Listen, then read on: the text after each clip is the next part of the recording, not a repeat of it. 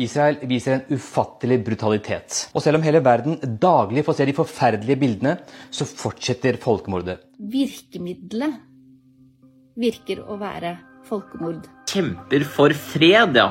Kanskje en idé å slutte å drepe tusenvis av uskyldige barn, da. Siden bombingen av Gaza begynte for fullt i oktober, har folkemordanklagene mot Israel kommet fra flere hold. Men så langt er det få statsledere og diplomater som har tatt F-ordet i sin munn. Helt til nå. Sør-Afrika anklager Israel for folkemord. Last week, South Africa was the first country to file a suit at the ICJ accusing Israel of being in violation of the 1948 Genocide Convention. Sør-Afrika er det første landet som formelt har anklaget Israel for folkemord i Gaza. De har skrevet en 84 sider lang redegjørelse som skal bevise nettopp det, og i dag begynner høringen i Den internasjonale domstolen. Det er en reell sjanse for at domstolen vil kreve at Israel stanser krigføringen. Men hva betyr egentlig det? Du hører på Forklart fra Aftenposten, hvor vi tar for oss én nyhet i hver episode. I dag om Israel kan bli dømt for folkemord. Det er torsdag 11. januar, og jeg heter David Bekoni. Nå har eh, krigen vart i 97 dager, og situasjonen på Gazastripen er helt desperat, og hver dag virker det som om det går fra vondt til verre. Over 23 000 mennesker er drept, ifølge styresmaktene i Gaza. Mange titall tusen flere er skadet, og halvparten av befolkningen sulter, ifølge FN. I tillegg så er nesten alle menneskene som bor i Gaza, drevet eh, på flukt. Og dette sitter folk over hele verden og følger med på nesten minutt for minutt, og veldig mange spør seg hvordan det her bare kan fortsette uten at noen griper inn. Hanne Kristiansen, du er Aftenpostens Midtøsten-korrespondent i Istanbul og har dekket Gaza-krigen siden den begynte i oktober. Eh, og et spørsmål som mange har stilt seg nå, er jo om det vi ser i Gaza er et folkemord. Og nå skal dette også opp i retten? Ja, i dag starter de offentlige høringene i eh, ICJ, altså Den internasjonale domstolen i Haag, i saken der Sør-Afrika anklager Israel for brudd på konvensjonen om folkemord. Og i denne episoden kommer vi til å snakke om et par forskjellige internasjonale rettsinstanser, så det er greit at vi har tunga litt rett i munnen. Den vi kommer til å snakke mest om i denne episoden, er Den internasjonale domstolen, med forkortelsen ICJ. Men vi har også Den internasjonale straffedomstolen, eller krigsforbryterdomstolen, ICC. Både ICJ og ICC holder til i Haag i Nederland, men det er en vesentlig forskjell mellom dem. ICC har mandat til å straffeforfølge enkeltpersoner, og har sånn sett større nedslagskraft enn det ICJ har. F.eks. så har ICC utstedt en arrestordre på Russlands president Vladimir Putin, som gjør at dersom han forlater Russland, så risikerer han å bli arrestert. ICJ derimot er eh, FNs øverste juridiske organ, som skal sørge for at stater følger internasjonale lover. Og det er altså den domstolen Sør-Afrika har klaget inn Israel eh, for. Den kan ikke eh, dømme enkeltpersoner eller grupper, og den har heller ikke noen makt til å håndheve sine avgjørelser. Men en beslutning fra ICJ kan likevel skape alvorlige problemer for Israel. Og hvorfor er det akkurat Sør-Afrika som har anklaget Israel? Sør-Afrika har uh, sine egne politiske motiver for å fremme denne klagen. Um, men en viktig grunn til at de gjør det, er jo nettopp det at landet har sin egen historie med apartheid, som er et begrep som stadig flere av de store internasjonale menneskerettighetsgruppene de siste årene har begynt å bruke om Israel og Israels okkupasjon av de palestinske områdene. Så av denne historien så har Sør-Afrika i lang tid vært en nær alliert av palestinerne. Eh, og fordi Palestina ikke fullt ut regnes som en stat i FN-systemet, og dermed ikke kan fremme denne klagen på sine egne vegne, så har altså Sør-Afrika valgt å gå foran og gjøre det selv. Og de har også vært veldig kritiske mot Israels krigføring fra starten av, og bl.a. Eh, kalt hjem sin ambassadør som reaksjon på, på krigen i Gaza. Anklagen innledes med at Sør-Afrika fordømmer alle brudd på internasjonal lov, inkludert Hamas' angrep på Israel 7. oktober. Da ble 1200 mennesker drept, de fleste av dem sivile, men ca. 240 personer ble tatt som gisler. Men, skriver Sør-Afrika, ingen angrep på en stat, selv om det begås grusomheter, kan forsvare gjengjeldelse som bryter med konvensjonen om folkemord. Det er sikkert mange som har lagt merke til at uh, etter at krigen i Gaza brøt ut 7.10, så har dette ordet blitt brukt veldig mye. Både av privatpersoner og aktivister i sosiale medier, men også av større organisasjoner og akademikere. Den juridiske definisjonen på et folkemord er likevel ganske mye snevrere enn den bruken vi ser mye av nå. Helt konkret så må to ting være til stede dersom noe skal kunne defineres som et folkemord. Det første det er spesifikke handlinger som utføres mot en spesifikk gruppe. F.eks. Eh, at man dreper eller skader medlemmer av den gruppen, eller påfører gruppen levekår som er så ille at eh, det kan føre til ødeleggelse av gruppen. For det andre så må disse handlingene kunne knyttes til en helt spesifikk hensikt om da helt eller delvis å utrydde gruppen. Altså handling og hensikt. Og det er nettopp hensikten som kan gjøre det vanskelig for Sør-Afrika å bevise at Israel nå gjør seg skyldig i et folkemord. Men akkurat det har Sør-Afrika nå brukt 84 sider og en lang liste med eksempler på å prøve å få til.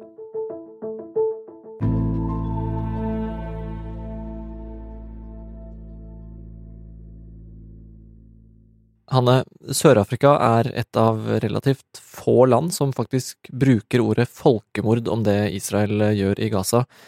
Fra vestlige land har det vært ganske stille. Hvorfor er det ikke flere som bruker det ordet?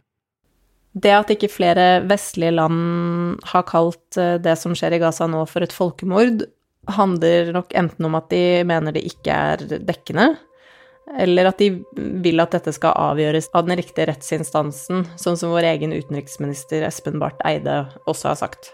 Jeg tror å dra dette mot folkemord er å dra det langt. Eh, jeg tror vi snakker mer om eh, krigsforbrytelser eller eventuelle forbrytelser mot menneskeheten. Og det, men det er også spørsmål som til slutt må avklares eh, juridisk. Så er det nok mange land som nøler med å bruke ordet før ICJ eventuelt har slått det fast, i frykt for represalier fra USA, som er Israels viktigste og mektigste støttespiller. For å bevise det de mener er folkemord, har Sør-Afrika levert en 84 sider lang anklage. Der legger de frem tall på hvor mange sivile som er drept, skadet og kvestet for livet, og andre fakta for å vise handlingsbiten av folkemorddefinisjonen. Så er det dette med hensikt, da. Og her har Sør-Afrika samlet en rekke uttalelser fra sentrale israelske politikere som de da mener viser at israelske myndighetspersoner oppfordrer til folkemord og til dehumanisering av palestinere. Har du noen eksempler på det? Et eksempel Sør-Afrika viser til, er jo da bl.a. at statsminister Benjamin Netanyahu har sagt at israelske soldater vil beseire de blodtørstige monstrene som ville ødelegge oss, eh, og det at han har sitert en bibelhistorie om Amalek, eh, som er et eh, bibelsk folk som ble beskrevet som det jødiske folkets evige fiende, og som jødene derfor må utrydde. Bibelverset som Netanyahu refererte til, inneholder bl.a. setningen Angrip Amalek, ikke spar noen, drep menn, kvinner, spedbarn, okser, sauer, kameler og esler.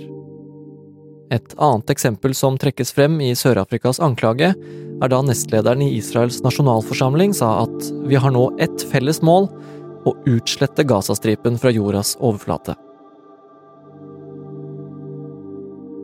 Og så viser de også til andre enn politikere, som f.eks. en 95 eh, år gammel krigsveteran ved navn Ezra Yachin, som eh, ble fanget på video mens han ble kjørt rundt i et militærkjøretøy iført uniform, og sa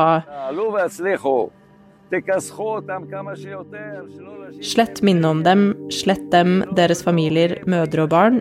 Disse dyrene kan ikke lenger leve. Hver jøde med et våpen burde gå ut og drepe dem. Hvis du har en arabisk nabo, ikke vent, gå hjem til ham og skyt ham.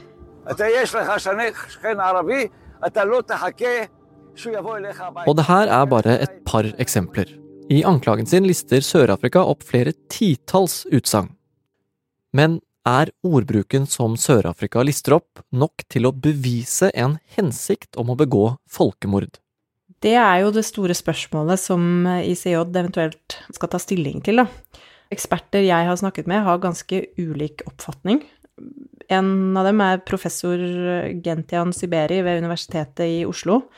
Han mener veldig klart og tydelig at dette er tilstrekkelig for at ICJ i hvert fall i første omgang kan gjøre det Sør-Afrika har bedt domstolen om, nemlig å kreve at Israel umiddelbart setter militæroperasjonen på pause fram til saken er behandlet av domstolen.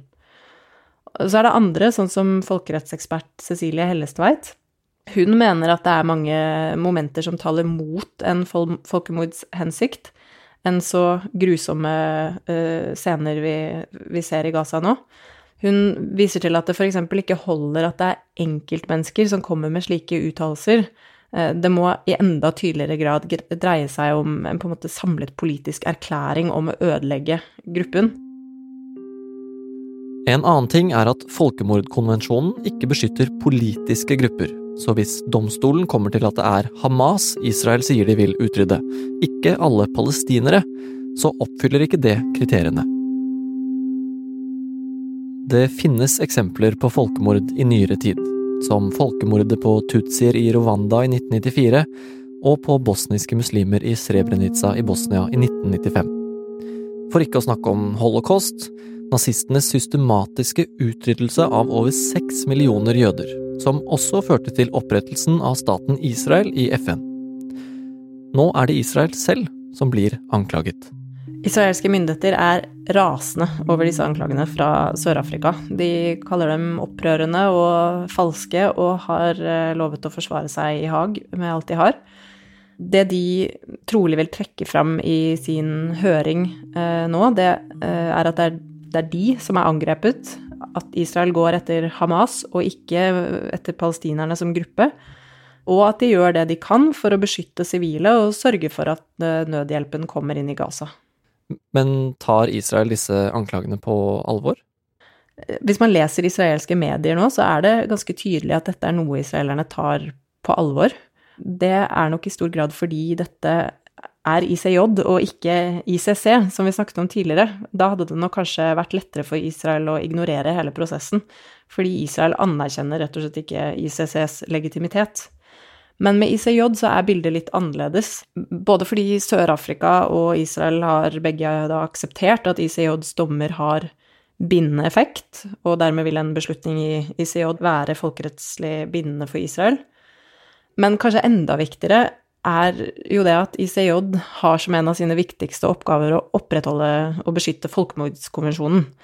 Og den ble jo til for å forhindre at en forbrytelse som holocaust, selve bakteppet for dannelsen av staten Israel, skulle skje igjen. Dermed vil en beslutning fra ICJ også ha en veldig sånn sterk moralsk betydning, som jeg tror det blir veldig vanskelig for Israel å ignorere.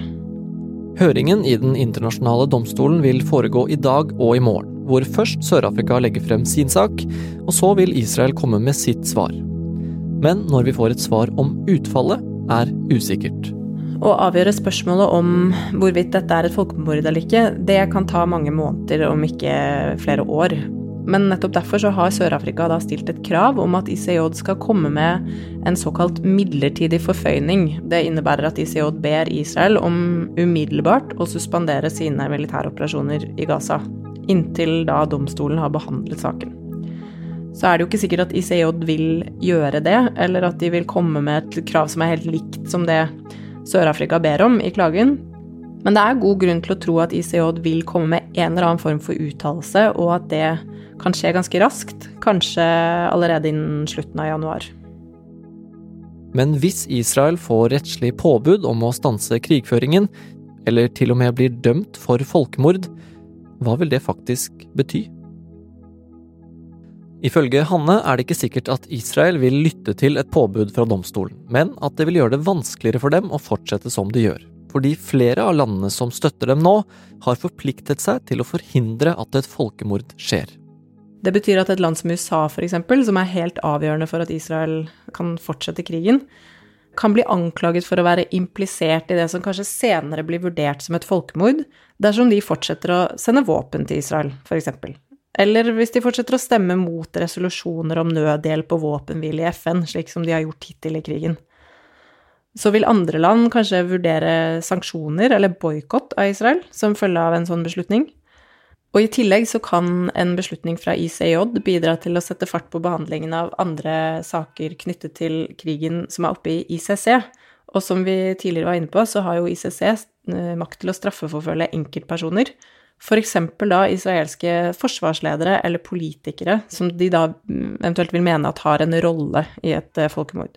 Så alt i alt, da, Hanne, hvor viktig er egentlig denne saken i den internasjonale domstolen nå? Det er veldig vanskelig å si noe nå om hva ICJ vil gjøre, men de har kommet med tilsvarende krav i kriger før. Så er det jo dette med det å bevise hensikt som Hellestveit bl.a. er inne på at kan bli veldig vanskelig. Men hun har et interessant poeng om hvorfor denne prosessen likevel er viktig. Og det er fordi ofte i krig så vil ikke et folkemord nødvendigvis være åpenbart helt fra starten av. Jo mer fienden dehumaniseres, desto større blir også faren for at, kan, at noe kan utvikle seg til å bli et folkemord over tid. Så det at mange nå slår alarm og advarer om et folkemord, det legger et stort og nødvendig press på Israel. Så på denne måten så kan Sør-Afrikas klage ifølge Hellestveit da faktisk bidra til å forhindre at et folkemord i Gaza skjer.